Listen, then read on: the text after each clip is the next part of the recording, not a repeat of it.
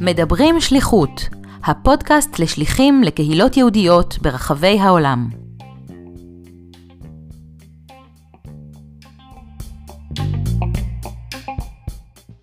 שלום למאזינים, כאן דוקטור אסי אהרונוב.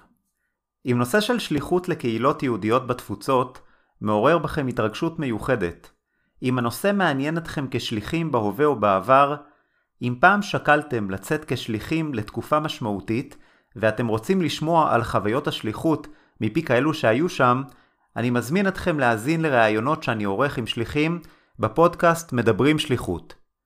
בכל פרק נראיין שליח או שליחה שישתפו אותנו בחוויות השליחות שלהם. נאזין למה שיש להם לספר בנושאים כגון מה גרם להם לצאת לשליחות, מה היה תהליך ההתאקלמות שלהם בקהילה, מה היו הקשיים או ההצלחות בשלבי הקליטה בקהילה, מה היו נקודות השיא בשליחות כמו גם האתגרים המרכזיים איתם התמודדו, כיצד חוו את החזרה לארץ, מהי לדעתם שליחות מוצלחת ועוד. במיוחד נרצה לשמוע מהם הטיפים שהם יכולים לחלוק עם שליחים אחרים או כאלו ששוקלים לצאת לשליחות. כמי שהיה מעורב בתחום השליחות מזוויות שונות, אני מקווה שגם אתם, כמוני, תמצאו עניין רב במה שיש לשליחים לספר. בפרק הנוכחי אנו מראיינים את רועי אלבה. רועי שימש כשליח בלוס אנג'לס בשנת 2013-2014. הוא נשלח מטעם תנועת הצופים והסוכנות היהודית לרכז את שבט חן בקהילה הישראלית בסן פרננדו ואלי. לאחר שריכז בארץ את שבט כרמל בחיפה, הוא אותגר בריכוז שבט הצופים הגדול ביותר בארצות הברית. מצד אחד הרגיש שאופי העבודה מאוד מוכר, אך מאידך גילה עד כמה עמוק הפער. רועי משתף במשבר מקצועי שחווה, ומתאר את השינויים הגדולים שעבר במהלך השליחות ואת השיעורים לחיים שקיבל כתוצאה מהשליחות.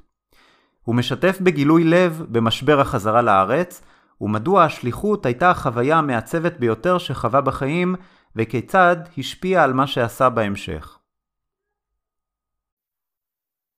רועי, שלום. שלום. אני uh, נרגש uh, לראיין אותך על חוויית השליחות הייחודית והמעניינת שלך. אתה יצאת uh, מטעם תנועת הצופים דרך הסוכנות ללוס אנג'לס בשנת uh, 2013-2014 למשך אה, שנה, ואתה אה, בעצם שימשת כשליח בשבט חן של הצופים והקהילה הישראלית בלוס אנג'לס, נכון? נכון. אז אה, נכון, הייתי שליח שבט חן אה, שממוקם בסן פרננדו ואלי, בלוס אנג'לס, וזה אחד מתוך שני שבטים שממוקמים אה, בלוס אנג'לס, השני הוא בעצם שבט הראל, שנמצא בבברלי הילס, והוא חלק מתנועת הצופים בארצות הברית, הנהגת צבר, חלק מהתנועה שנקראת פויז, שזה בעצם ראשי תיבות של Friends of Israel Scout, אה, שזה תנועת אחות של תנועת הצופים בישראל. אוקיי, okay, אז לפני שנצלול למסגרת השליחות עצמה, אה, אם תוכל לספר קצת על עצמך, אה, שנדע מי אתה ואיך התגלגלת לשליחות הזאת. Uh, טוב, uh, יש איזה קטע כזה לחבר'ה בתנועה, ששואלים אותם מי הם, אז הם מתחילים, ראשית דרכם התחילה בשנה שהם התחילו להיות בצופים. אז אני התחלתי בצופים בכיתה ה', בשבט אילנות בחיפה. אה, לא הייתי מהמתמידים כל כך, אבל אה, חזרתי אה, בעצם בכיתה י' לתנועה, ומשם התגלגלתי, אחרי הצבא חזרתי לרכז. ואחרי שנתיים שריכזתי את שבט כרמל בחיפה, שזה היו שנתיים מאוד מאוד משמעותיות בחיים שלי, אה, שנתנו לי הרבה מאוד. אה, החלטתי לקחת צעד קדימה ו- ולצאת לרכז בארצות הברית. אה, לא ידעתי בהתחלה איפה כמובן, והתחלתי את המיונים בתנועה, ואחר כך את המיונים בסוכנות. מתוך איזשהו רצון לאתגר את עצמי, הרגשתי ש... שאחרי שנתיים באותו שבט, באותה מסגרת, אה, רציתי קצת אה, לגוון ולהיכנס לאתגר ש... שלא יודע, אולי על הנייר היה טיפה גדול עליי, הייתי בסך הכל בן 23, ו, וגם מרכז ההנהגה דאז, לא מרכז ההנהגה, מרכז התנועה דאז, ניר, הכיר אותי עוד מה, מהשנים הראשונות שלי בצופים, ופגשתי אותו בארץ, והוא ככה סיפר לי, ונורא התלהבתי מהמחשבה להיות שליח, ומהמטרה בעצם והמשמעות ש, שאתה יכול להיות בשביל אותם בני נוער שנמצאים uh, בקצה השני של העולם, אבל מדברים עברית, חיים ישראל, uh, להנגיש להם את ה... מה שאתה הכי אוהב בעולם, שזה המדינה שלך. אתה הכרת את מסגרת השליחות הזאת uh, מראש? הכרת שליחים אחרים שיצאו מטעם הצופים? לא, אבל כשקיבלתי את, ה... את הבשורה שאני הולך לרכז את שבט חן, בעצם בשליחות שלי, אז uh, זה היה סגירת מעגל נורא מעניינת, כי כשאני הגעתי באמת בפעם הראשונה לצופים, נקרא לזה, בכיתה י', כי לפני זה לא באמת הייתי בצופים, אז חבר, חבר מאוד טוב שלי, אה, בדיוק היה חניך, הוא יצא, ההורים שלו עשו רילוקיישן, והוא היה חניך בשבט חן. ו... והוא שלח לנו, לכל החבר'ה, הוא שלח לנו חאקי, חאקי כזה מאוד מגניב של הצופים בארצות הברית, חאקי של חברת Dickies, הוא שלח לנו ל- לישראל, ו- וכולנו לבשנו חאקי Dickies, וזה בעצם היה החאקי הראשון שלי. זו הייתה סגירת מעגל נורא מעניינת, ש- שבאתי לרכז בשבט שבעצם, בלי לדעת, הביא לי את החאקי הראשון שלי בתנועה. אמ, ו, ופתאום ראיתי מקרוב את מה שחבר שלי, שבכיתה י' חווה אמ, במעבר של המשפחה שלו לארה"ב. אמ, וזה היה הכי קרוב למשהו שהכרתי, שליחות או צופים בארצות הברית, או משהו שדומה לזה. ממש היה לך משהו מוחשי מהשבט עוד לפני ש... כמה שנים עוד לפני שיצאת לשם. כן, המון שנים לפני שיצאתי, והייתה סגירת מעגל נורא, אה, נורא מעניינת אה, פתאום להגיע לשבט, ש... לשבט הזה ולמקום שחבר שלי גדל בו, ואנחנו אז, כשהוא היה בתיכון, לא, לא באמת הבנו מה עובר עליו, ולא הבנו את הקשיים שהוא, שהוא חווה בתור ילד שעבר מישראל לארה"ב, לשפה אחרת, מדינה אחרת, מנטליות אחרת. אה, ו- וזה היה, פתאום כל הסיפורים שלו קיבלו, קיבלו מוחש, מוחשיות, אה, וכל החוויות שלו, וה... קיצור, זה היה נורא מעניין. אז מה, מה ידעת בעצם על, אה, על אה, מסגרת השליחות הזאת בלוס אנג'לס, על שבט חן, על מה שאתה אמור לעשות שם לפני שיצאת? אה, אז התנועה דואגת אה, לעשות אה, סמינר, בעצם לשליחים שיוצאים, ובאמת טוחנים לך את הראש, קודם כל בדבר הכי בסיסי, שצופים בארצות הברית זה לא צופים בישראל. זה לא אותן מטרות, זה לא נראה אותו דבר, זה לא מרגיש אותו דבר. אני חושב שזה היה סופר חשוב, לא מספיק, לא מספיק אינטנסיבי, כי אני אספר לך אחר כך איך אני חוויתי את זה בפועל, אבל, אבל זה באמת, מנסים להסביר לך שזה לא אותו דבר, ואל תנסה לבוא ולנסות לעשות את ישראל בארצות הברית. אמ, ולמדתי על לשבת אה, דברים שמאוד אה, חיובים בסך הכל. בסוף זה היה, מה שהבנתי דאז זה שזה היה השבט הראשון שהוקם בארצות הברית, אה, תכלס ממשפחות שרצו לייצר פעילות סופית, ורק אחר כך זה התחבר להנהגת צבא. אה, ושזה השבט הכי גדול בארצות הברית, מבחינת כמות חניכים, וזה אולי השבט שהכי דומה במהות שלו ובפעילות שלו לצופים בארץ. אה, מה שכן, פגשתי את הראש שבט, את הראש שבט היוצא, פגשתי אותו בחיפה, הוא חיפאי במקור, ופגשתי אותו בחיפה, וישבנו ודיברנו, וככה הוא סיפר לי המון על השבט. אז באתי יחסית עם המון רקע, ולצורך העניין אני באתי עם הרבה יותר רקע עליהם מאשר הם אה, קיבלו אותי, אה, בטח הילדים. זהו, ידעתי שזה קהילה ישראלית, נורא חמה, נורא... במובנים כלשהם נורא חיפאית. הרבה מאוד חבר'ה, הרבה מאוד משפחות מחיפה או מהקריות, שעשו רילוקיישן לארה"ב. אה, זהו, כאילו הרגשתי שאני משכפל את עצמי לארה"ב עם כל, עם כל הסובבים, עם כל חיפה. גדול. אוקיי, okay, אז איך, אה, איך באמת אה, חווית את, ה, את, ה, את ההבדל או את הפערים, ככל שהיו, בין מה שהיה לך בראש לפני שיצאת ומה ש, שפגשת שם? אז אני אספר לך את הסיפור, היכרות הראשון שלי עם הקהילה. נחתתי לפנות בוקר או משהו בסגנון הזה, מאוד מאוחר בלילה. השליחה שאני החלפתי בעצם אספה אותי מהשדה תעופה, ונסענו נסענו אליה לדירה. ושוב פגש אותי עוד מעגל, וזה פשוט מדהים כמה... אומרים תמיד עולם קטן, ישראל קטנה, כולם מכירים את כולם, וזה פשוט לא יאמן שזה... שגם שמה, השותפה שלה בדירה הייתה אה, חברה, אקסיט של חבר טוב שלי מישראל, ש... אחר, שעשה רילוקיישן לקליפורניה, למקום אחר. אז פשוט, אתה יודע, הכל מתנגש לך, ואז הפעם הראשונה שפגשתי את הקהילה, היא לקחה אותי לארוחת ערב אה, להכיר את המדריכי ט', מי שהולך להדריך בעצם את קורס ההדרכה של החניכים בשבט, שהם חבר'ה בכיתה י"א וי"ב, אה,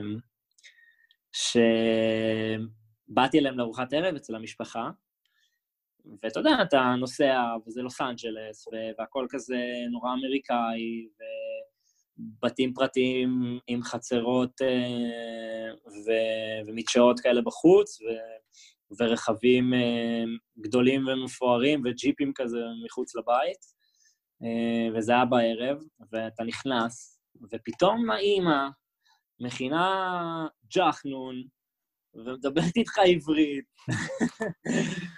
הרגשת לגמרי בבית. ואתה לא, לא מבין איפה אתה, ו- ופתאום הילדים מגיעים, מצטרפים אליך, ובכלל מדברים איתך אנגלית. ואתה, מה קורה פה? מה, רגע, איפה נמצא בישראל, בלוס אנג'לס, באיזשהו מיקרו-קוסמוס שיש את שניהם, אתה, אתה, אתה מקבל איזושהי כאפה, כאפה כזאת לא ברורה, וזו הייתה החוויה שלי הראשונה עם, ה, עם הקהילה, ו, ומשם, אתה יודע, משם זה כזה... אתה בארצות הברית, אבל אתה מדבר עברית, כולם מדברים עברית איתך. אמ, ו... ובעצם ה... ההתנגשות, נראה לי, הראשונה ש... שחוויתי בין ההבדל, אה, נקרא לזה, בין הצופים אה, בישראל לצופים בארצות הברית, זה שבאתי ליום פעילות ראשון. ריכזתי שבט בחיפה של מאות ילדים, 700 ילד, 750 ילדים. ואתה יודע, עשינו אה, פעולות כל, ש... כל שלישי ושישי, והיינו בטיולים, והיינו בחנוכה דרום, ובטיולים במדבר, ומחנה קיץ, ובאמת, הדברים הכי מורכבים בעולם. ואני מגיע ליום פעילות ראשון של השבט, ואתה יודע, כמה הגיעו? הגיעו, לא יודע, 150, אולי אני מגזים אפילו, והיה כאוס מטורף, מטורף, מטורף, ואיבדתי את זה קצת. ואז הראש שבט בא, תופס אותי, אומר לי, מה קורה? אני עושה לו, תקשיב, אני רגיל שהילדים עושים הכל. אני לא רגיל שאני צריך... אתה יודע, אני, אני, אני רגיל לפקח, אני רגיל להסתכל ולראות אם הכל בסדר, אבל פתאום תחושה אחרת, ופה הרגשתי את הבום הזה, ש... ש... את ההבדל הענק בין, אה, בין הצופים ב, בישראל למשהו שאני, שאני מכיר וחוויתי, למשהו שאני לא מכיר ולא חוויתי. אה, איך אתה מכיר ה... את ההבדל הזה? כי בדרך כלל דווקא, אני חושב שהחוויה של הרבה מהשליחים היא כשהם מגיעים לחוץ לארץ או לארצות הברית, הם אה, חוויה מאוד בולטת אצלם, זה עד כמה שדברים שם מאוד מסודרים ומאורגנים יחסית לישראל. אה, אז, אז זה לא ברמת הסדר והארגון, זאת אומרת, היה נגיד באותו יום פעילות, היה... Uh, השבט שלי היה בנוי uh, בעצם מוועד הורים, שהיה ראש שבט, אבל היה לו סוג של צוות כזה של ועד הורים, וכל אחד היה לו תפקיד, אחד קשרי תקשורת, עיתונות וכולי, עוד מישהו שהיה אחראי בעצם על התקשורת עם ההורים, עוד מישהי שהייתה אחראית על הנהלת חשבונות וכולי. ובעצם הדבר הראשון שהבנתי זה שקודם כל, השבט הוא מוקד עלייה לרגל של, של משפחות ישראליות. ו, והשבט הוא לא כמו בישראל, שאתה יודע, אתה, האימא שולחת את הילד שלה עם, עם איזה כדורגל או קורקינט והוא הולך לפעולה, זה לא עובד ככה. אז יש משפחות שנוסעות חצי שעה, 40 דקות, לפעמים גם שעה וחצי, כי יש פקקים ב-4 או 5, וברגע שהם מגיעים לשבת, הם לא שמים את הילד והולכים. הם, הם נשארים, כי הם מדברים עם ההורים האחרים, והם מכירים, זאת אומרת, זה גם מפגש בשביל ההורים. וזה נורא מעניין, כי זה פתאום, פתאום לה, גם לראש שבט היה פתאום, אתה יודע, חניכים סוג של... אה, והוא עשה להם אספת הורים והציגו אותי, ו... ואני דיברתי, ברקע יש פעולה. והפעולה בכלל נמצאת ב... בבית כנסת, שזה, שזה גם הזוי, כי אתה יודע, אתה צריך לשמור על הבית כנסת, זה לא איזה שבט שכל הילדים יכולים לעשות מה שבא להם, ומקסימום ישברו שם את השירותים, אז אחר כך הם גם יתקנו אותם. לא, זה בית כנסת. אמ, והכל אה, נורא שונה, אז, אז מצד אחד הכל יחסית מסודר. מצד שני, ההבדל והפער נובע מ... מהעובדה שאין לילדים אותה מטרה כשהם באים לתנועה. ואני חושב שהבנתי את זה רק בסוף. ואני אנסה להסביר את זה. ב... בארץ, הילדים בבית ספר הם לוס, הם נורא, יחס, יחסית, כן, אבל הם נורא חופשיים. זאת אומרת, המסגרת החינוכית פה בארץ, היא לא נוקשה איתם לרמת ה... מעבר ללימודים, אתה מבין אותי? כאילו, מעבר למבחנים ולשיעורי בית, אין להם באמת מסגרת. ו, ובארצות הברית, הבית ספר בשבילם זה הכל. נורא קשוחים איתם, ויש להם מלא פעילויות ו, ו, וחוגים של, של הבית ספר אחרי שעות הלימודים, ויש להם כל מיני מסגרות, אם זה הלהקה, ואם זה הפוטבול, ואם זה whatever, כאילו, יש להם מלא דברים. וכשהם באים לצופים, הם באים להשתחרר, אתה מבין? הם לא באים... אה, הם לא באים לקחת אחריות, נקרא לזה. אתה יודע, הרוב, יש כאלה שכן. ובארץ, המקום שלהם שלוקח אותם ברצינות ונותן להם אחריות לידיים, והם גם רוצים את זה, כי בבית ספר אין להם, זה, זה הצופים. אה, זה אחד, זה הבדל אחד. ההבדל השני, שבסוף, למה ילדים רוצים אה, להיות בארץ, למה ילדים נורא משקיעים בצופים? כי זה באיזשהו מקום קפיצת מדרגה לצבא. בין אם זה הדרכות, רוב הבנות שאם הן מדריכות בתנועה והן מדריכות טובות, אז הן יכולות לקבל תפקידי הדרכה מאוד טובים בצבא, או בין אם זה אה, המון כלים למנהיגות ופיקוד, ו- ו- והובלה ו- וניהול וכולי, זה, זה נורא משליך על הצבא, או שנת שירות וכולי. ובארצות הברית אין להם צבא. אתה יודע, אחוז הילדים שעולה לארץ לעשות צבא הוא, הוא יחסית קטן לעומת כמות הילדים שנמצאים שם. ו... ואין להם את הקרש, אין להם את הקפיצת מדרגה, את הקרש קפיצה הזה למה שאחרי. כאילו, מעניין ממש, לא מעניין את הקולג' שהילדים היו שם בצופים. אז אני חושב ש, שזה נובע משם, נובע משתי הסיבות האלה. אוקיי, אז זה הבחנות בעצם שאתה הבנת תוך כדי השליחות, אה, לגבי ההבדלים אה, בין, ה, בין החבר'ה שם לחבר'ה, לחבר'ה בארץ. בעצם מסגרת השליחות שלך היא מאוד מאוד ייחודית. אם אנחנו מכירים את השליחים הטיפוסיים שיוצאים לקהילות המקומיות, בין אם זה בארצות הברית או בכל מקום בעולם. בעצם המקרה של השליחות הזאת היא, uh, זה מקרה ייחודי, שזה ממש יציאה ל, uh, לקהילה הישראלית, ובעצם אתה, במובן מסוים, כמו שאתה מתאר, אתה מרגיש את, ה, את הדמיון בעבודה שלך אה, בצופים אה, בארץ והצופים אה, שמה, ובעצם כל השליחות היא מוגדרת כשליחות בעברית. נכון. בעצם ה, ה, מה שדומה בין, בין הצופים בארץ לצופים בארצות הברית, ניקח את זה הכי פשוט, זה, זה בעצם הכלים שיש לך. הכלים הם אותם כלים, הכלים הצופיים שיש לך, אם זה המסגרת של שבט והתפקידים שיש, וה, ובעצם המתודות, אז שם אין סנאדות מעצי אקליפטוס, אבל יש שם סנאדות אה, ממפעל אה, תעשייתי שמייצר מוטות עץ מאוד מאוד מדויקים, ואתה יודע, באורכים שאתה רוצה. הצופים בגרסה... בגרסה... בגרסה האמריקאית, בגרסה האמריקאית שלהם. אבל הכלים הם אותם כלים. ו...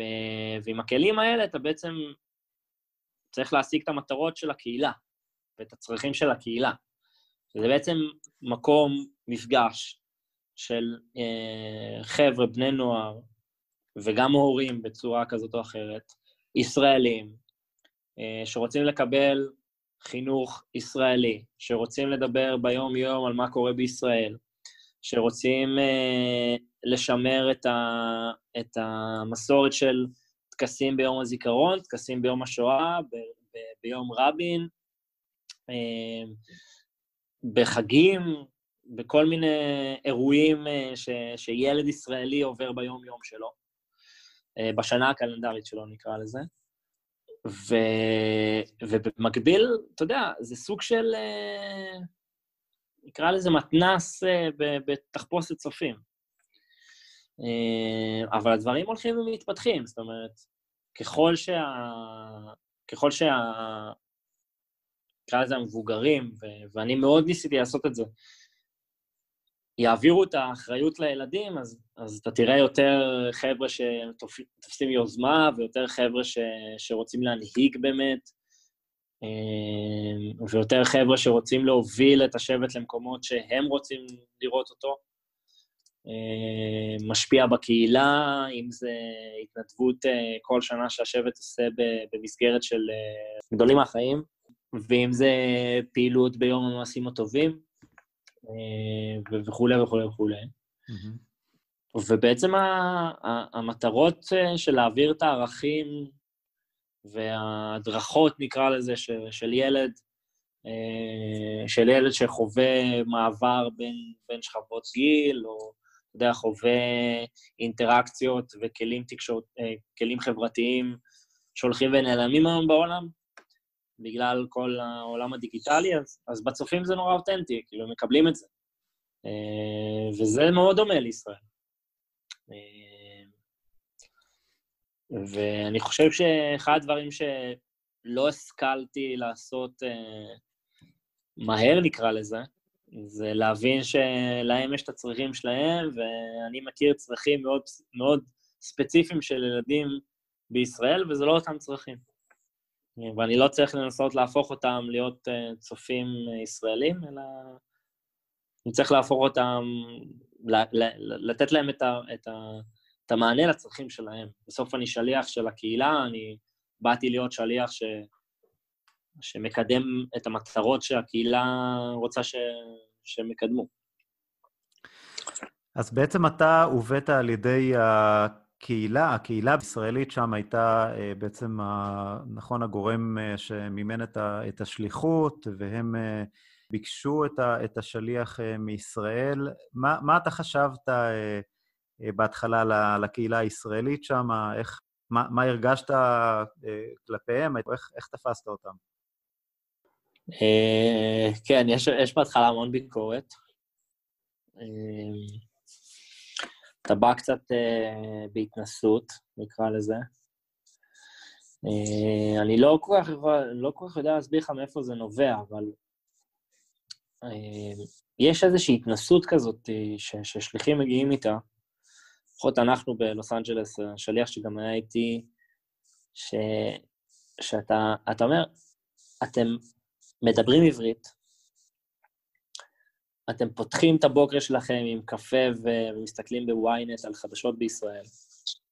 בארוחת שישי, הטלוויזיה שלכם דלוקה על ערוץ 22 דאז, היום ערוץ 12, ורואים חדשות ערוץ 2.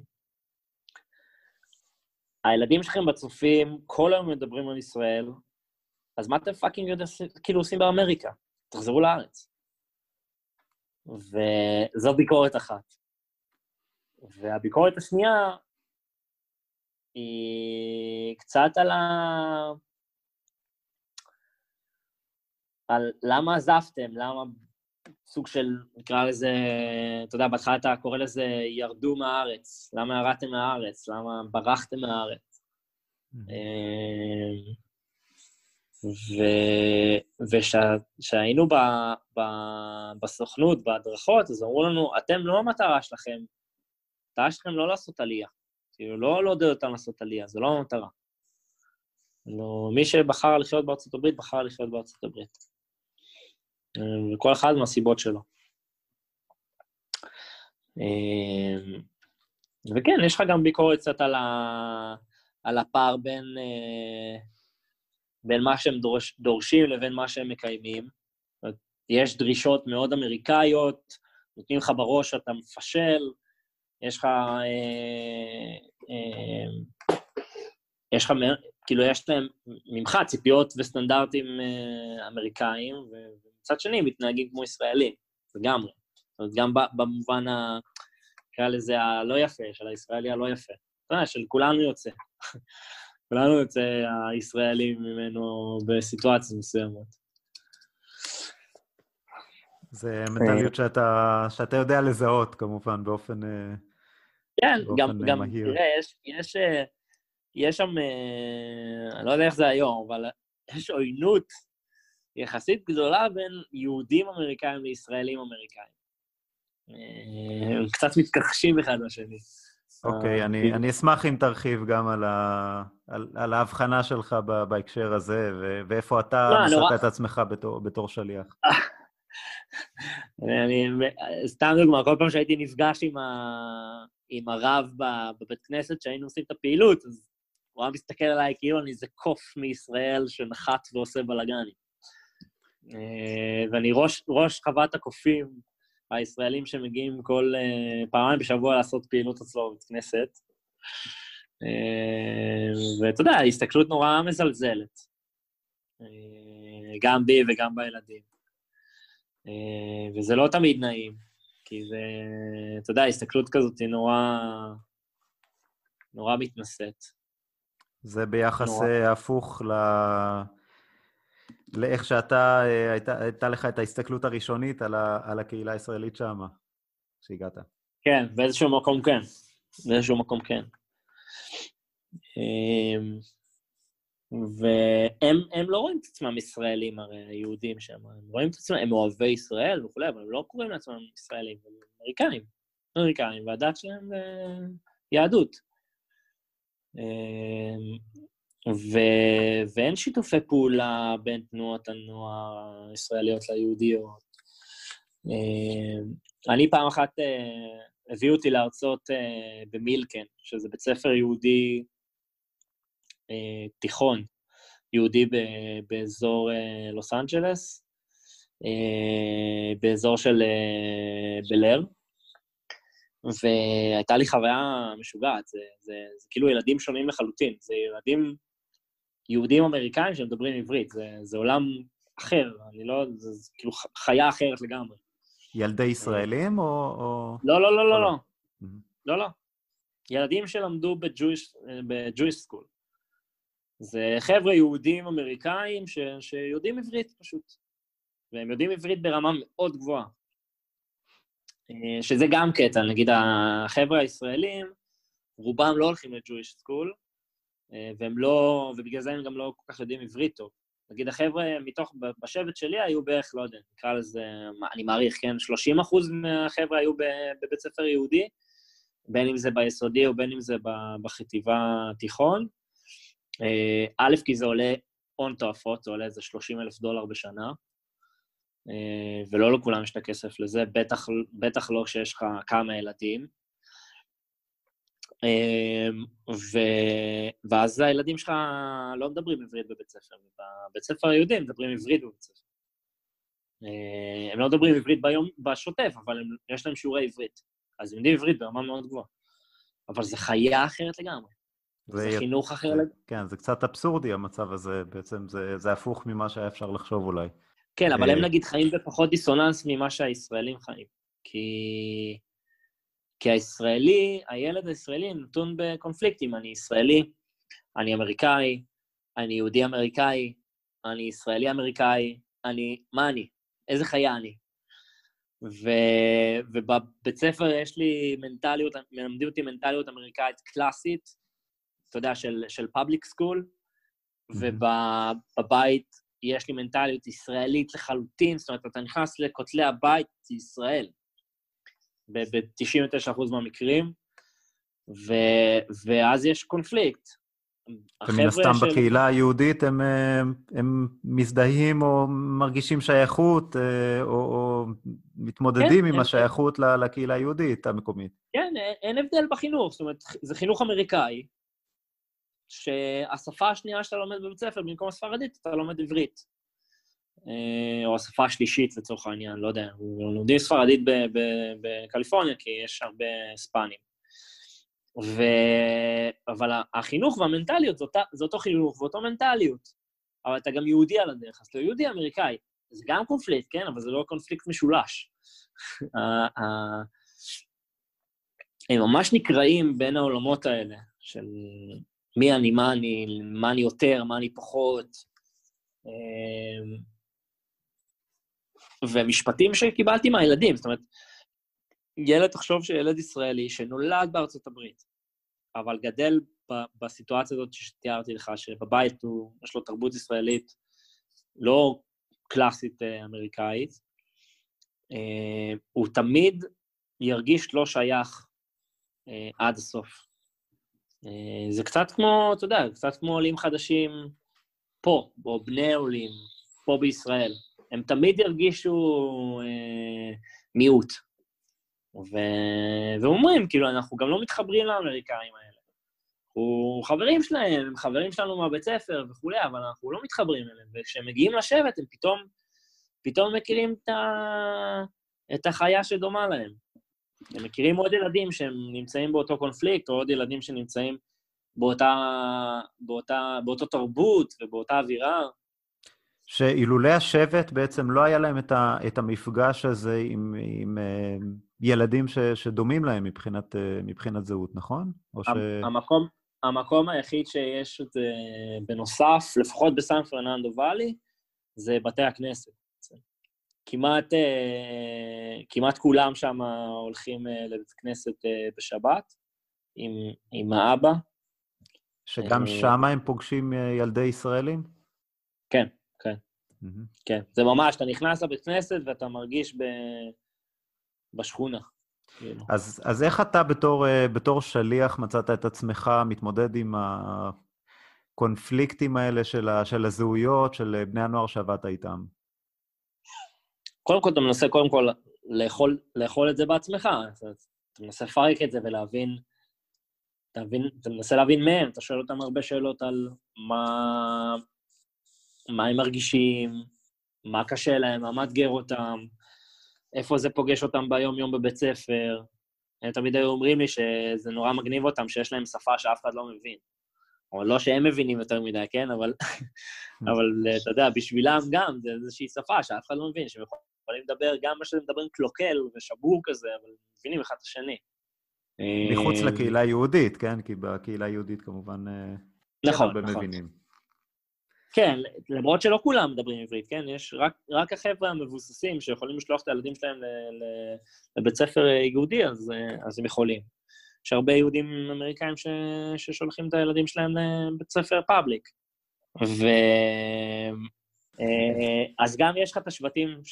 את המרכזים שאיתך, כי, כי בסוף אתה, נכון, אתה שליח, אתה שליח בארצות הברית אה, בלוס אנג'לס יחסית לבד, אבל גם היה את השליח שאיתי בשבט בבברלי הילס, אז אתה ככה חולק חוויות ומנסה להבין אה, ביחד איתו מה עושים. וגם יש לך את המעטפת של התנועה, שבעצם יש שני מרכזים לתנועה, אולי היום שלוש, שזה אחד בווסט, אחד באיסט, בניו יורק, ובעצם מעין שליחה שליחה אזורית כזאת שנותנת לך מענה מקצועי, שהיא קצת יותר, אה, אה, עם הרבה יותר ניסיון ממך, ותפיסה קצת יותר מרחבית, ומביאה לך סיפורים וקונפליקטים מבחוץ. אתה עובר סמינרים של התנועה, אה, שזה גם היה מגניב, שפעם ראשונה ש... אתה יודע, אני רגיל לנסוע לסמינר בדאלית אל-כרמל, ב... בחוף הבונים, אתה יודע. פה, פה אני נוסע, נוסע לסמינר מרכזים בניו יורק, אז אני עולה על מטוס ונוסע לסמינר מרכזים בניו כן, קצת שונה, כן. זה קצת שונה, אבל זה כאילו, זה, זה כל כך הגניב אותי, ש... שזאת הסיטואציה, אבל אתה מקבל מעטפת ומשקיעים בך, ו...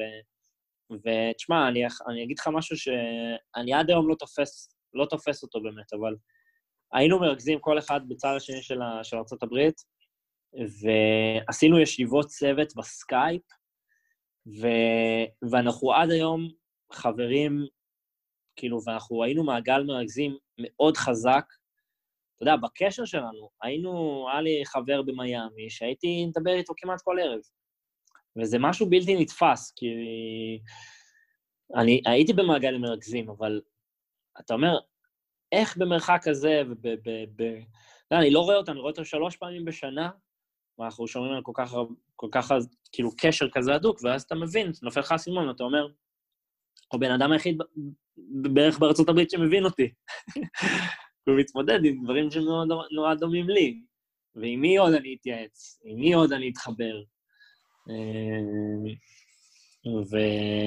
וככה אתה, אתה יודע, ככה אתה מנסה לאכול את זה. והחלק השלישי זה בעצם יש לך את ההורים, יש לך את, ה... את, ה... את הוועד הורים של השבט, שמפרש לך את מה שקורה, נקרא לזה. הוא מפרש לך את כל האינטריגות בתוך הקהילה, ומי חייב למי, ו...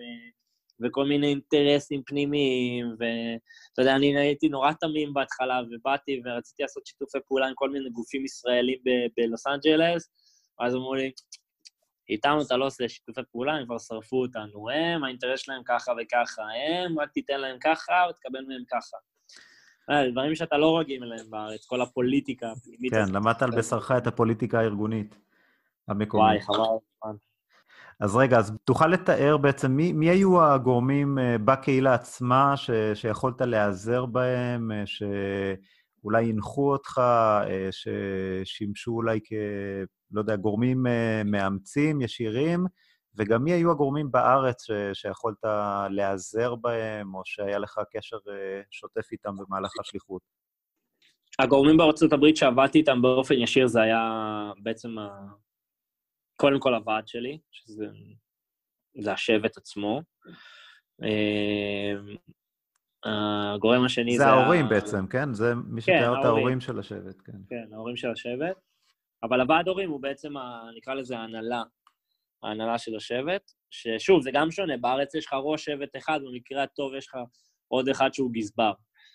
אבל uh, שם ממש יש ועד הורים uh, מאוד משמעותי, מאוד חזק, כל אחד יש לו תפקיד, משהו אחר לגמרי. אה, היו כאלה שממש באופן, אה, באופן מיוחד אה, אימצו אותך ו- ו- וליוו אותך? אז הייתה לי משפחה מאמצת על הנייר. זה בהתחלה היה כן, לא, כן, לא, כזה, בהתחלה זה היה כן, ואז זה קצת התמסמס, כי גם היא עזבה את הוועד הורים, אז מצאתי לעצמי סוג של משפחה אחרת, שכזה חצי נמצא אותי. אה, אבל כן, בגדול יש לך משפחה מאמצת, אבל ממש קהילה נורא חמה ונורא, אתה יודע, נורא מחבקת, אז, אז אתה יודע, הגעתי וכולם הזמינו אותי לכל הארוחות, לכל החגים, זה כזה נורא מחבק ואוהב, הם נורא עושים טוב על הלב וכיף, ובאמת, באמת, אה, לשנייה אחת לא הרגשתי אה, שאין לי משפחה שם, היו לי מלא משפחות שם. לא הרגשת תחושת בדידות. תוך כדי השליחות. הרגשתי תחושת בדידות, אתה יודע, מה, מהמקום הזה שזה לא באמת, זה לא החברים שלי וזה לא המשפחה שלי. כן. אבל, אה, אבל הקהילה עשתה את, את המקסימום כדי שאני ארגיש בבית, ובאמת אני... על זה אני אסיר תודה עד היום, שבאמת, כל מה שהייתי צריך, קיבלתי. באמת, באמת, באמת, כל מה שהייתי צריך קיבלתי, ו- ואפילו יותר. אה, זה אף פעם לא הייתה בעיה. אה, וזה נראה לי התמיכה הראשונית הכי חשובה, ואם אין לך את זה, אז אתה, אתה יכול להתפרק. אה, זה הקשר הראשון שלך.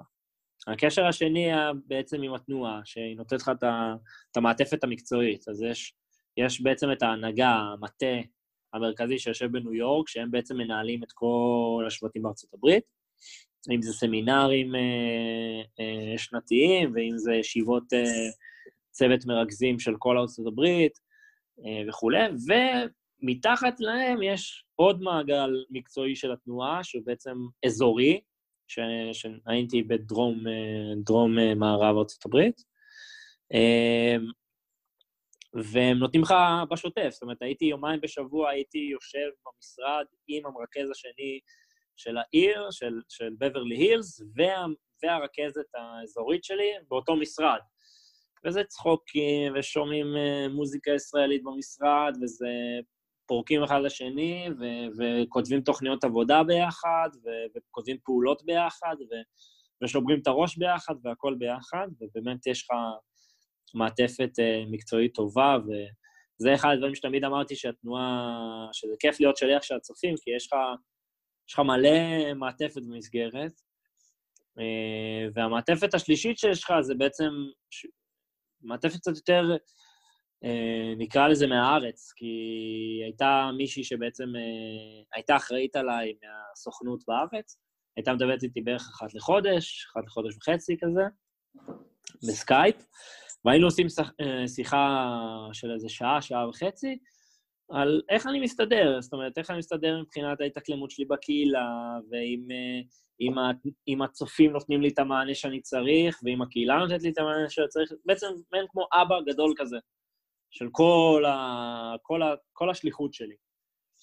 אמ, זה היה יותר מנטלי, נפשי, basic needs כאלה. אמ, אה, והגורמים הנוספים שהייתי עובד איתם בקהילה, זה היה גם את הפדרציה היהודית, ש... שבשבט חן אז היא מימנה את הפעילות של הילדים עם הצרכים המיוחדים, שזה בעצם השבט הראשון והיחיד שהיה לו ילדים עם צרכים מיוחדים בשבט, אה, פעילות שוטפת של קבוצה. אה, אז הם, הם אימנו את זה, והייתי איתם בקשר יחסית צמוד. ו... והיו עוד כל מיני גורמים בקהילה, אם זה גורמים של ארגונים ישראלים כמו ה-IAC, שזה בעצם הפדרציה הישראלית נקרא לזה בארצות הברית, אם יש את הפדרציה היהודית, אז זה הפדרציה הישראלית, ה-Israeli American Council, שהם בעצם היו נותנים לי את הגב, בין אם הכלכלי או בין אם ה... נקרא לזה אופרטיבי, של בערך כל האירועים של הקהילה, של סוכות, אה, חנוכה, אה, יום העצמאות, שזה אירוע מטורף בגודלו בארצות הברית. אה, החיבור לישראלים הכי עשירים ב-LA.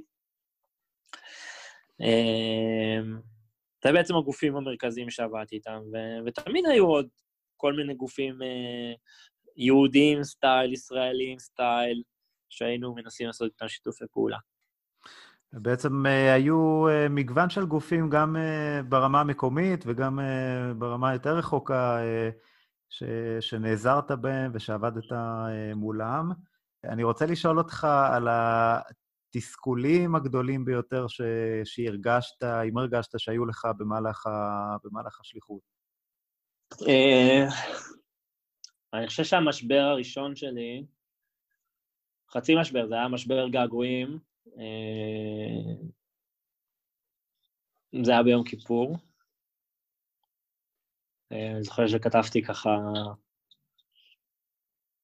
יום כיפור בארצות הברית נכנס אחרי אחרי יום כיפור ש... של ישראל, אה, בגלל ההפרשי שעות, ואני זוכר שישבתי במיטה באמצע הלילה וכתבתי כזה, ידעתי שזה היה ממש כמה דקות לפני כניסת הצום בישראל, ו...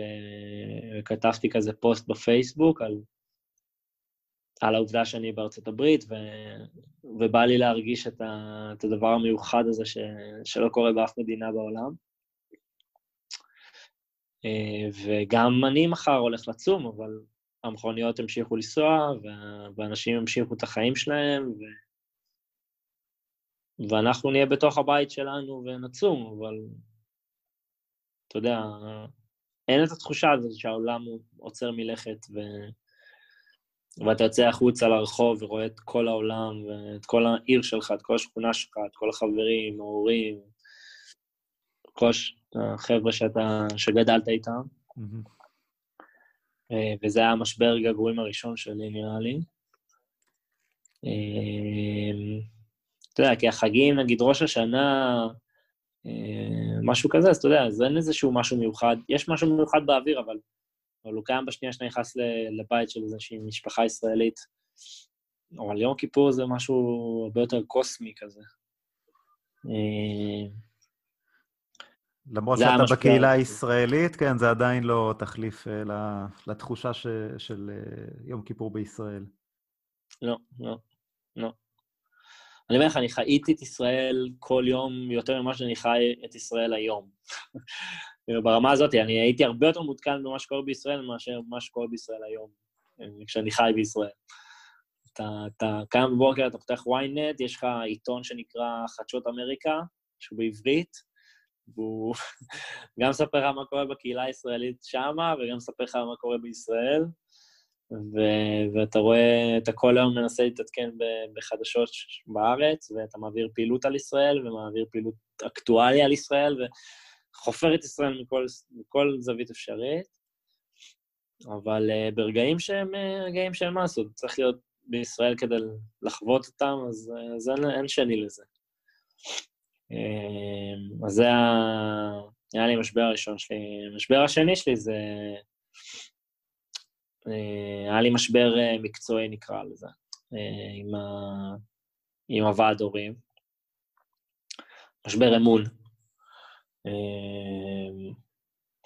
שהיה לי, שבעצם, אני חושב, גזר את גזר דיני ב... בשליחות, לצערי. משם כבר לא הייתה דרך חזרה לתלם. אה, ואני לא מאשים אף אחד, אה, אף אחד, אני חושב שזה זה קרה כי הייתי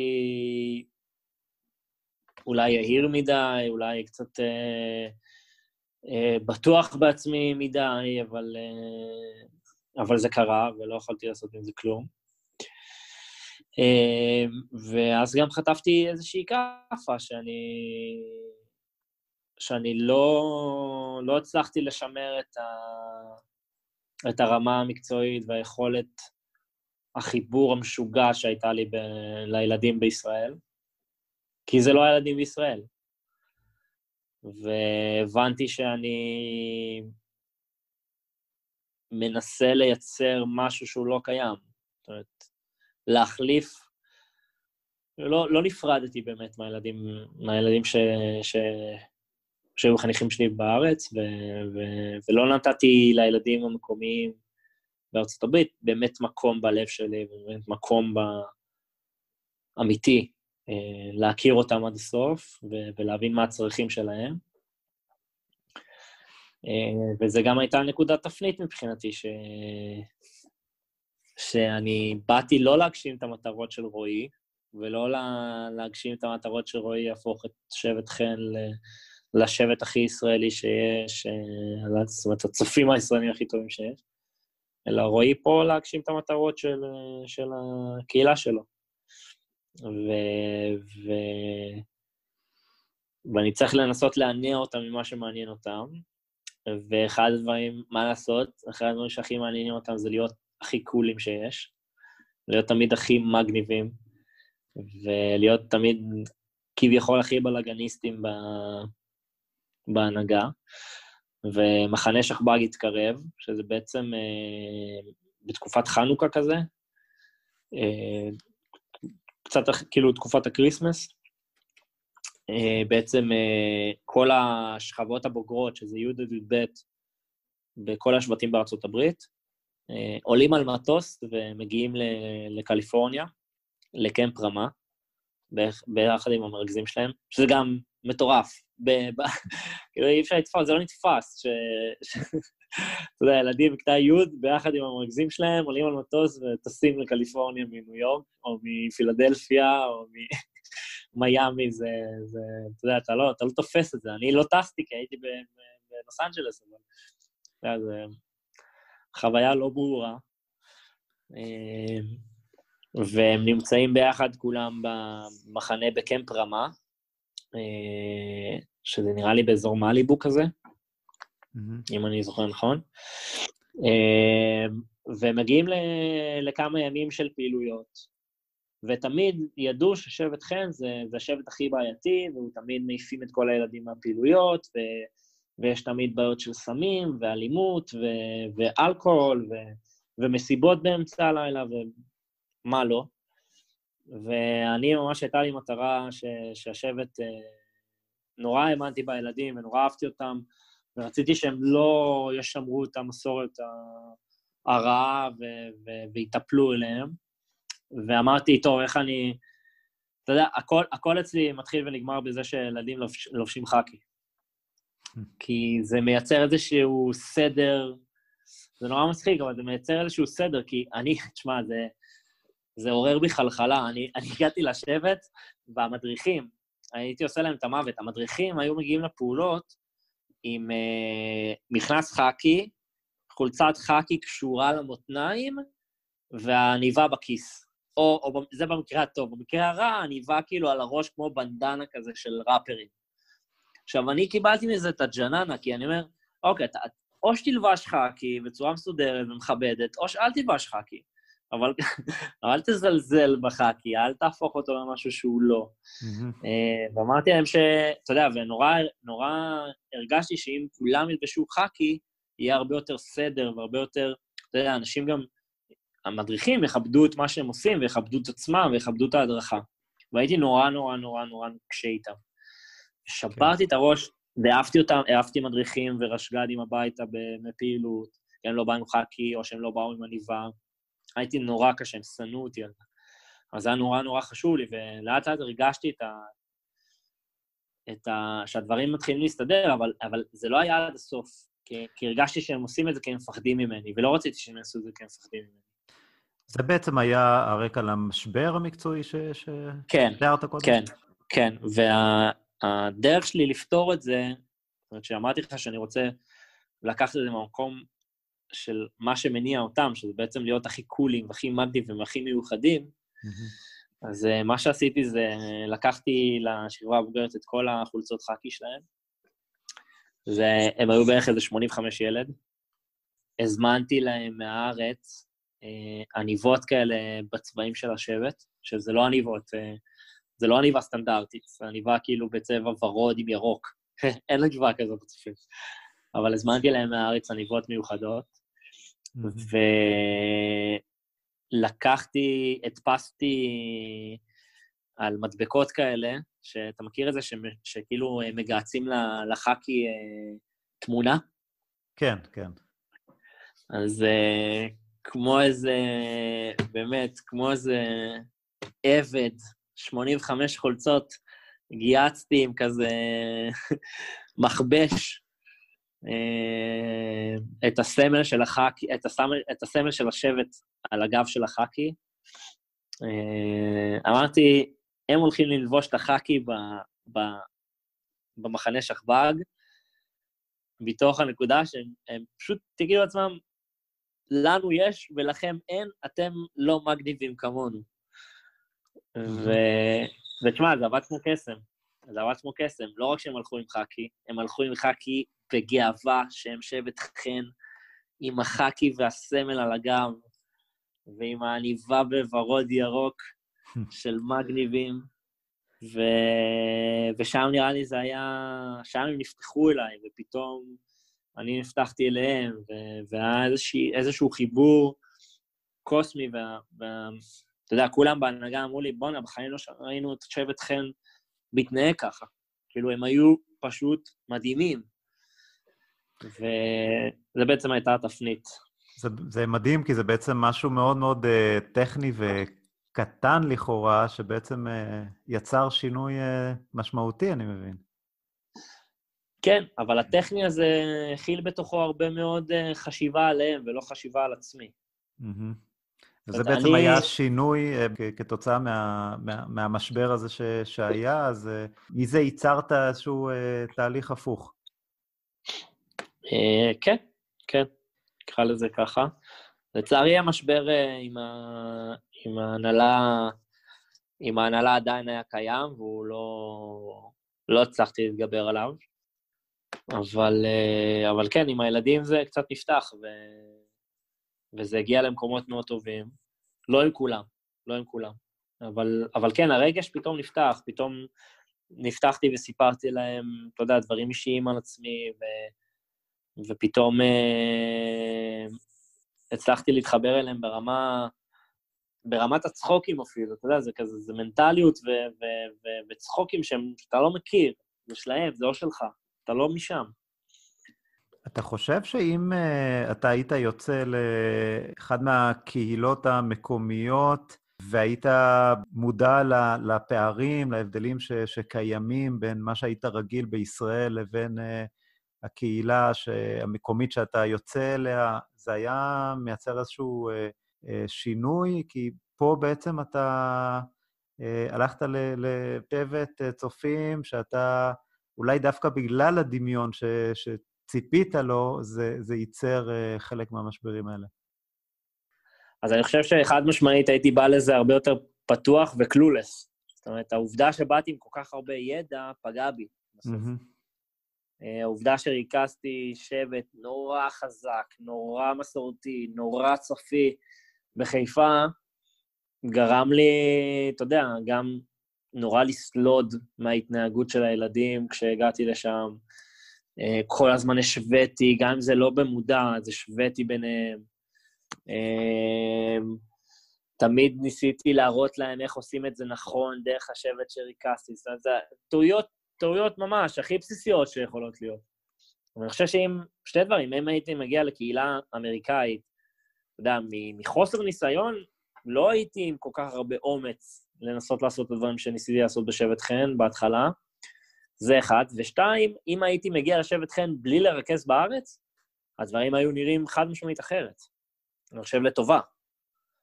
כי כשאתה מגיע בלי, אתה יודע, בלי ניסיון, אז אתה פחות אמיץ, ואתה פחות אה, עם החזה נפוח. ותשמע, חטפתי שם כאפה צניעות אה, מאוד חשובה. הבוסית שלי תמיד אמרה לי שם, מי, שרגזה, מי שליוותה אותי מההנהגה, אמרה לי, תשמע, הלוואי שמתישהו יפטרו אותך. אני באמת מאחל לך שיפטרו אותך, שאתה תבין כאילו... אתה תחטוף את זה ואתה תישאר צנוע כל החיים שלך. עכשיו, אני לא בן אדם אה, שחצן, אבל הגעתי עם כל כך הרבה טפיחות על השכם לארצות הברית, שזה היה בלתי נמנע. זה היה פשוט בלתי נמנע. והפערים גרמו לזה להתעצם עוד יותר. אז כן, חד משמעית, אם הייתי מגיע לקהילה אמריקאית שלא הייתי יודע כלום, הייתי מגיע נורא מפוחד, והייתי עושה את הכל בצעדים נורא קטנים. ו... אז בעצם אתה עברת אה, שינוי אישי מאוד משמעותי אה, במהלך השנה הזאת. עברתי גם שינוי אישי משמעותי, גם שיעור, מלא שיעורים לחיים, מלא. השיעור השני לחיים זה שקיבלתי מהראש שבט שלי, שהוא אמר לי, בסוף השליחות, ממש, ב... אבל זה משהו שאני אזכור לו לכל החיים שהוא אמר לי את זה. הוא אמר לי, מרוב שאכפת לך, אתה נכנס ליותר מדי עמוק, ואתה לא מצליח להסתכל על כל התנועה, התמונה הגדולה. זאת הייתי, סתם דוגמה, בפורימון, בפעילות פורים שעשינו, אז uh, היה הפנינג מאוד מאוד מאוד גדול, אבל לי נורא נורא חשוב, זו הייתה פעם ראשונה בהיסטוריה שהם בנו בנייה צופית, קרוסלה, שאשכרה מסתובבת מחבלים וסנדות. הם, הם, היו, הם היו בטירוף על זה. הם היו בטירוף על זה, ואני הייתי איתם בטירוף על זה, וכל כך רציתי שזה יעבוד להם, ו- ו- וכל כולי היה בקרוסלה. באמת אחד מהאתגרים הגדולים, כן. כן, וכל כולי היה בקרוסלה המפגרת הזאת במקום בכל שאר האירוע, ובסוף מצאתי את עצמי בסוף האירוע, לבד, מנקה את כל השבט ביחד עם ההורים, וכל הילדים ברחו להם הביתה, שהייתי מחזיק אותם כדי שנקו ויפרקו את כל הפורימון. ואתה יודע, הייתי כל כך נעול על הדבר הקטן הזה, ש... זה היה נורא נורא חשוב לי, וזה באמת היה סופר, הם עד היום, החבר'ה שבנו איתי את הקרוסלה, הם עד היום, כאילו, זה, זה ההיילייט, אחד ההיילייטים שלהם, אבל, אבל שוב, בתור מנהל, בתור מרכז, בתור... זה לא היה נכון שהייתי כל כולי שם. אז סתם, זו דוגמה אחת, כן? אה, אבל כן, קיבלתי הרבה שיעורים בשליחות. אתה מרגיש פספוס שלא נשארת לשנה נוספת? לא יודע אם פספוס, אני חושב ש... תראה, הגעתי... אני החלטתי בסופו של דבר לא, לא להמשיך עוד שנה. לא יודע מה הייתי, נגיד, אני, אני באמת אומר לך, אני לא יודע מה הקהילה הייתה אומרת לי אם הייתי אומר להם, אני רוצה להמשיך. לא יודע מה היה הפידבק. אני באתי לקהילה ואמרתי להם שאני לא רוצה להמשיך. הרגשתי שאני קצת באפיסת כוחות.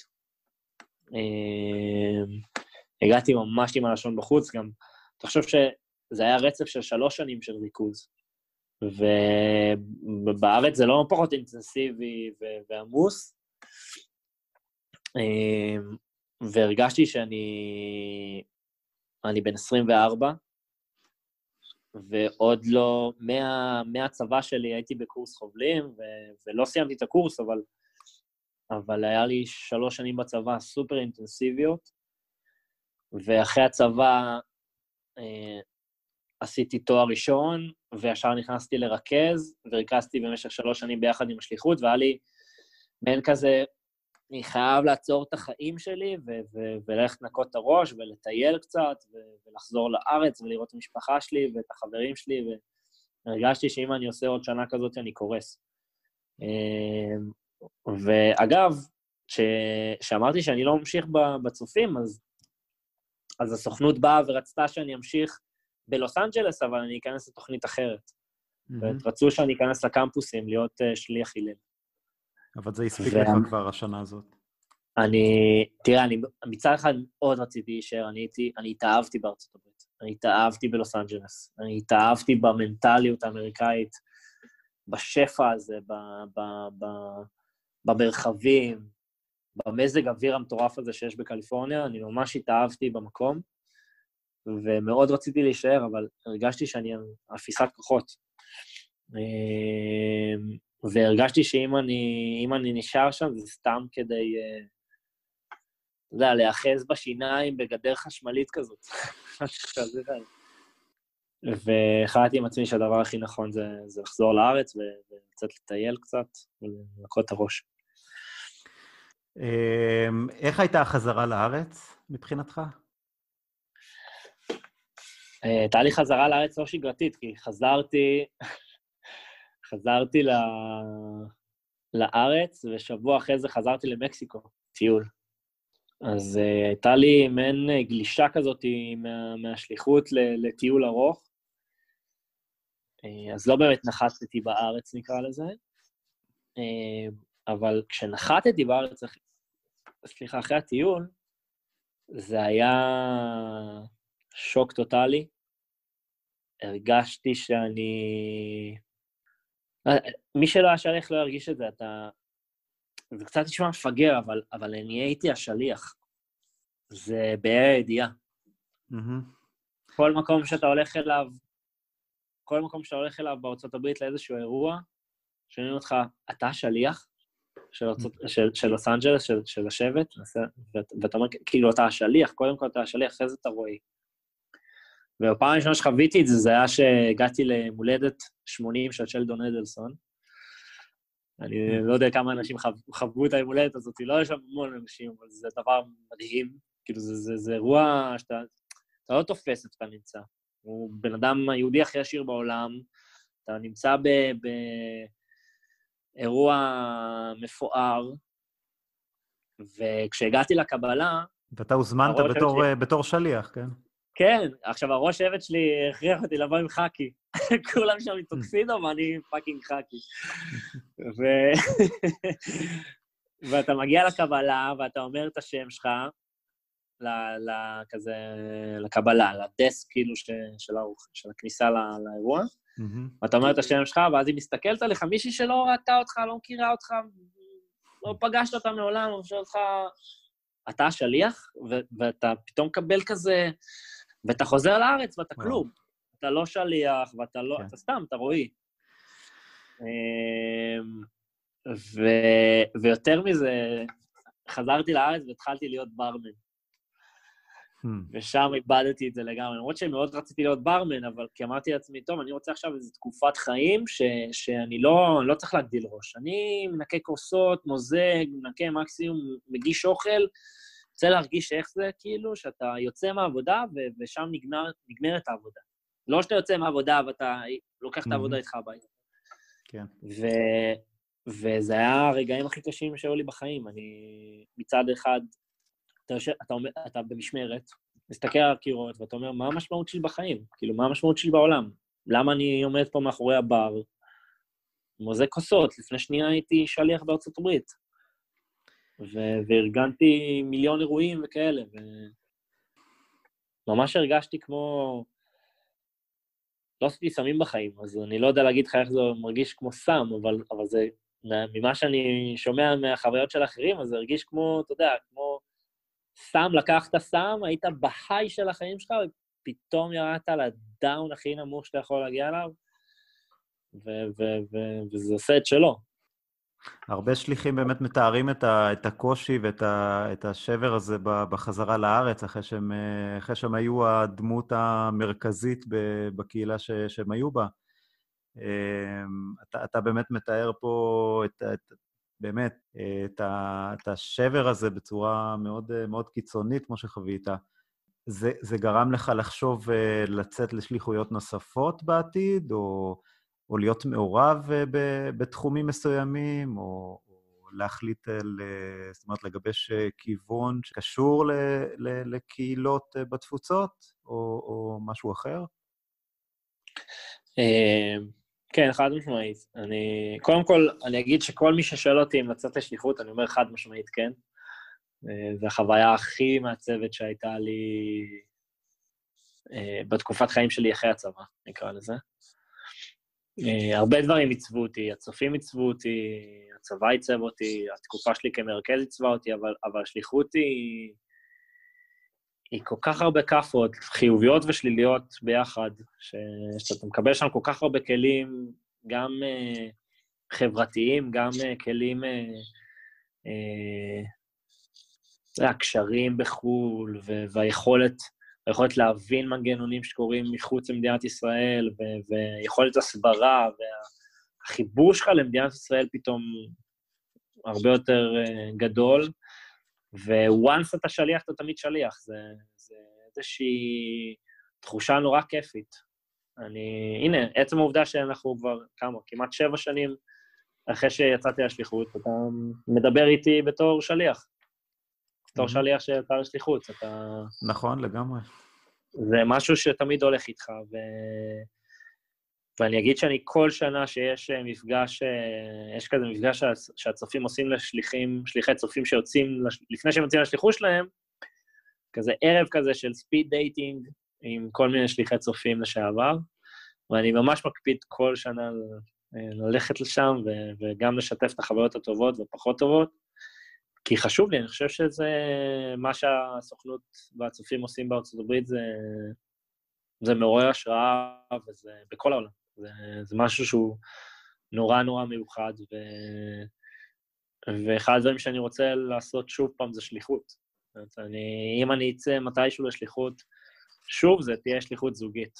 אה, זאת אומרת, לא לבד, לא, לא אותה חוויה. אה, ו...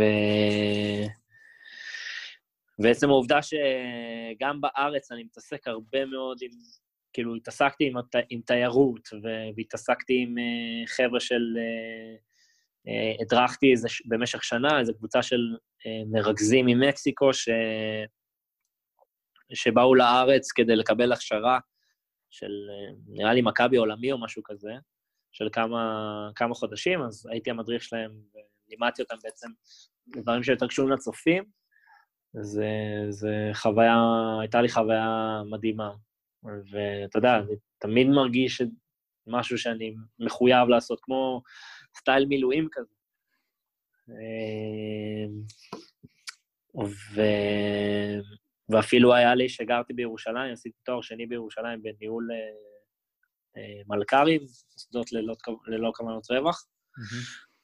ובמהלך התואר, אז אני ועוד חבר הקמנו מיזם תיירותי בירושלים, גם מאותן סיבות. זאת אומרת, מהסיבה הזאת של הסברה, מהסיבה הזאת של לתת חוויה אחרת. לחבר'ה שמגיעים אה, מתגלית או ממסע, או סתם תיירים יהודים ולא יהודים שמגיעים לירושלים.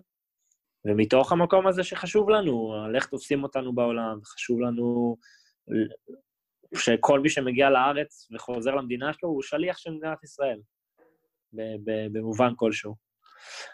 אה, ואני חושב שהשינוי הכי גדול שאני עברתי אה, בשליחות, לא על עצמי, זאת אומרת, על, על תפיסת העולם שלי, זה איך אני תופס את הקהילה שם. אני חושב שזה... נכון, הם חיים, הם חיים בארצות הברית, ונכון, הם... יש יגידו ברחו, יש יגידו ירדו, יש יגידו עשו רילוקיישן, אתה יודע, לא משנה איך, איך תקרא לזה, הם לא חיים בארץ. אבל הם יותר פעילים למען ישראל מ... לא יודע, מרוב הישראלים. נקרא לזה ככה. אה, רוב הישראלים, אתה יודע, חיים בארץ, חיים את המציאות היומיומית וחיים את החיים שלהם, הם לא מתעסקים בישראל, הם חיים בישראל. הם לא מתעסקים בהסברה ואיך נראית ישראל החוצה, הם חיים בישראל. הם לא... אה, הם לא... הם חיים... הם, הם מתעסקים בחיים הפרטיים שלהם. ו... והקהילות הישראליות שנמצאות ב... בארצות הברית, רוב הפעילות החברתית שלהם היא למען ישראל, וזה זה, זה מטורף, זה מדהים. זה מדהים ש...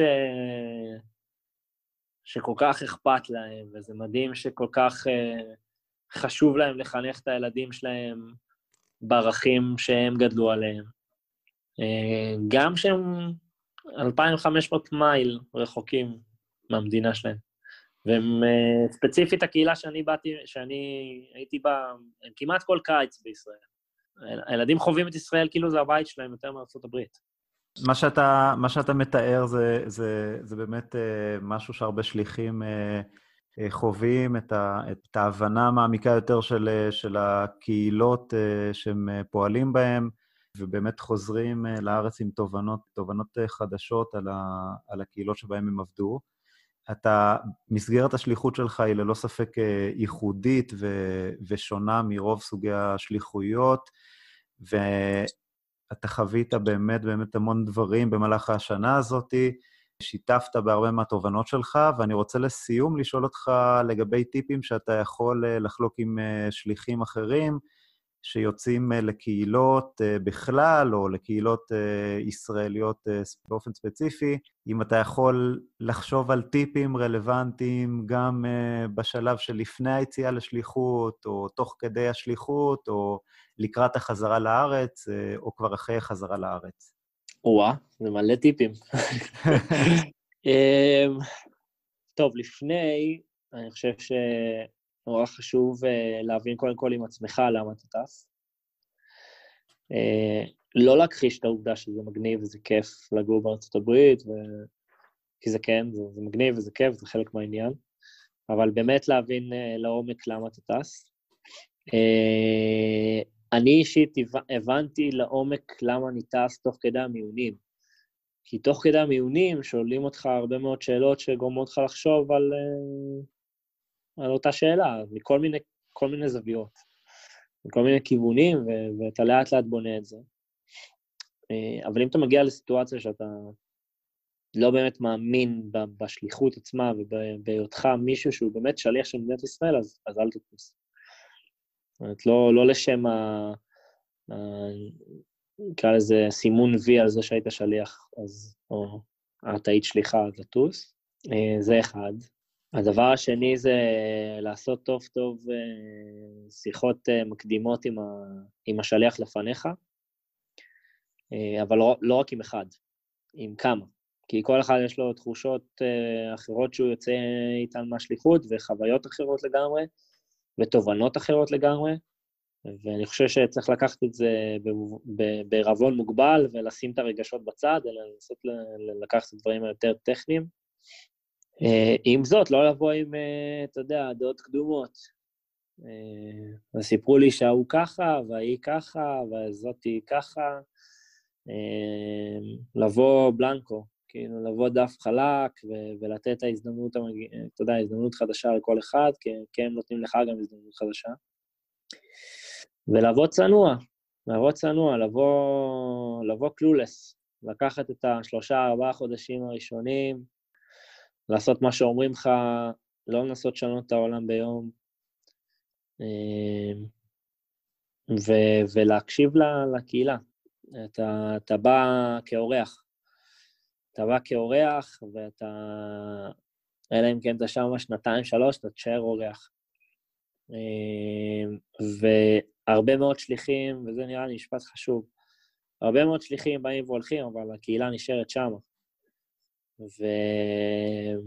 וצריך לזכור את זה, שהם בסוף נשארים עם כל מה שאתה עשית שם. אמ, ואתה חוזר לארץ, מתישהו. וב... וכשאתה חוזר לארץ, או שאת חוזרת לארץ, אין נחיתה קלה, זה, זה, אין, אין איך אה, לחוות את זה ברכות. אבל אולי צריך לחזור עם, אה, עם, לא יודע, מטרה חדשה. כי אני חזרתי בלי מטרות. חזרתי ממש אה, בלי לדעת מה אני הולך לעשות, מה אני רוצה לעשות. אה, נראה לי אולי, אה, אולי לשמר את האנרציה של העשייה, לחזור עם משהו שאתה יודע, לא יודע, או לימודים, או עבודה חדשה, או, או מעבר לדירה אחרת באיזה עיר, אני חזרתי להורים שלי, זה באמת היה מכה מכל הכיוונים. ו, ולשמור על קשר עם הסוכנות, זה נורא חשוב. נורא חשוב כי, כי תמיד תהיה, תהיה איפשהו שם המשפחה הרחוקה שלך. אה, וזה נורא כיף ונורא מחבק, ו, וזה לכל החיים. ואם יש לי טיפ אחרון לשליחות שם, אז אני לצופים, למי שצופים מבינינו, אני חושב שדיברתי על זה קצת, אבל המעגל מרכזים שלכם זה, זה הדבר הכי חשוב שיש לכם בשליחות, זה המשפחה שלכם, זה האנשים שהכי מבינים אתכם והכי הכי מזדהים איתכם, עם הקשיים שאתם עוברים, עם, ה, עם הדברים היותר מוצלחים שאתם uh, תעשו. עם הקשיים המקצועיים, ואף שליח אחר לא, לא, חווה, לא חווה את הקהילה הישראלית כמוכם. וחשוב לחזק את זה, ולהיות uh, כמה שיותר, uh, כמה שיותר לשתף, וכמה שיותר, גם לשתף בדברים טובים של ללמוד אחד מהשני. וזהו, נראה לי. רועי, אני רוצה מאוד מאוד להודות לך על הדברים המעניינים, הייחודיים, על הדברים האישיים ששיתפת. ואני מקווה ובטוח שזה יעזור לשליחים אחרים. אז תודה רבה. אני, אני מאוד מקווה, ו... היה לי, האמת, גם מרגש וגם, אה, אתה יודע, עלה בי תחושות וחוויות מחדש, וגם אה, קצת סגירת מעגל וסיכום עצמי בשבילה. בשביל, בשבילי. מעולה, תודה רבה. בכיף. תודה שהאזנתם לפרק נוסף של מדברים שליחות. אני מקווה שנהנית מהראיון עם רועי אלבה. האם האזנתם לפרק האחרון שקיימנו עם יוני אלון? יוני שיתף מחוויותיו ותובנותיו משליחותו כשליח קהילתי צעיר לקהילה היהודית בדנבר, קולורדו. לראיון הזה ולראיונות שקיימנו עם שליחים נוספים, אני מזמין אתכם להאזין דרך אתר הפודקאסט מדברים שליחות, או באמצעות אפליקציות הפודקאסטים המרכזיות. בכל פרק אנחנו מצטרפים למסע השליחות של שליח או שליחה לקהילה יהודית בעולם. אם גם אתם הייתם שליחים בעבר, או אם אתם שליחים בהווה, או אם אתם מכירים שליחים אחרים שישמחו לשתף בסיפורים ובטיפים, אני מזמין אתכם ליצור איתנו קשר באמצעות המייל מדברים שליחות כרוכית gmail.com או באמצעות צור קשר באתר הפודקאסט מדברים שליחות.com. אם נהניתם מהראיון, המחמאה הגדולה ביותר עבורנו תהיה שתשתפו אחרים ותיעדו אותם על הפודקאסט. אשמח לשמוע מכם כל הצעה או שאלה בנוגע לפודקאסט, אני מזמין אתכם לכתוב לי במייל מדברים שליחות כרוכית gmail.com. תודה ולהשתמע בפרק הבא.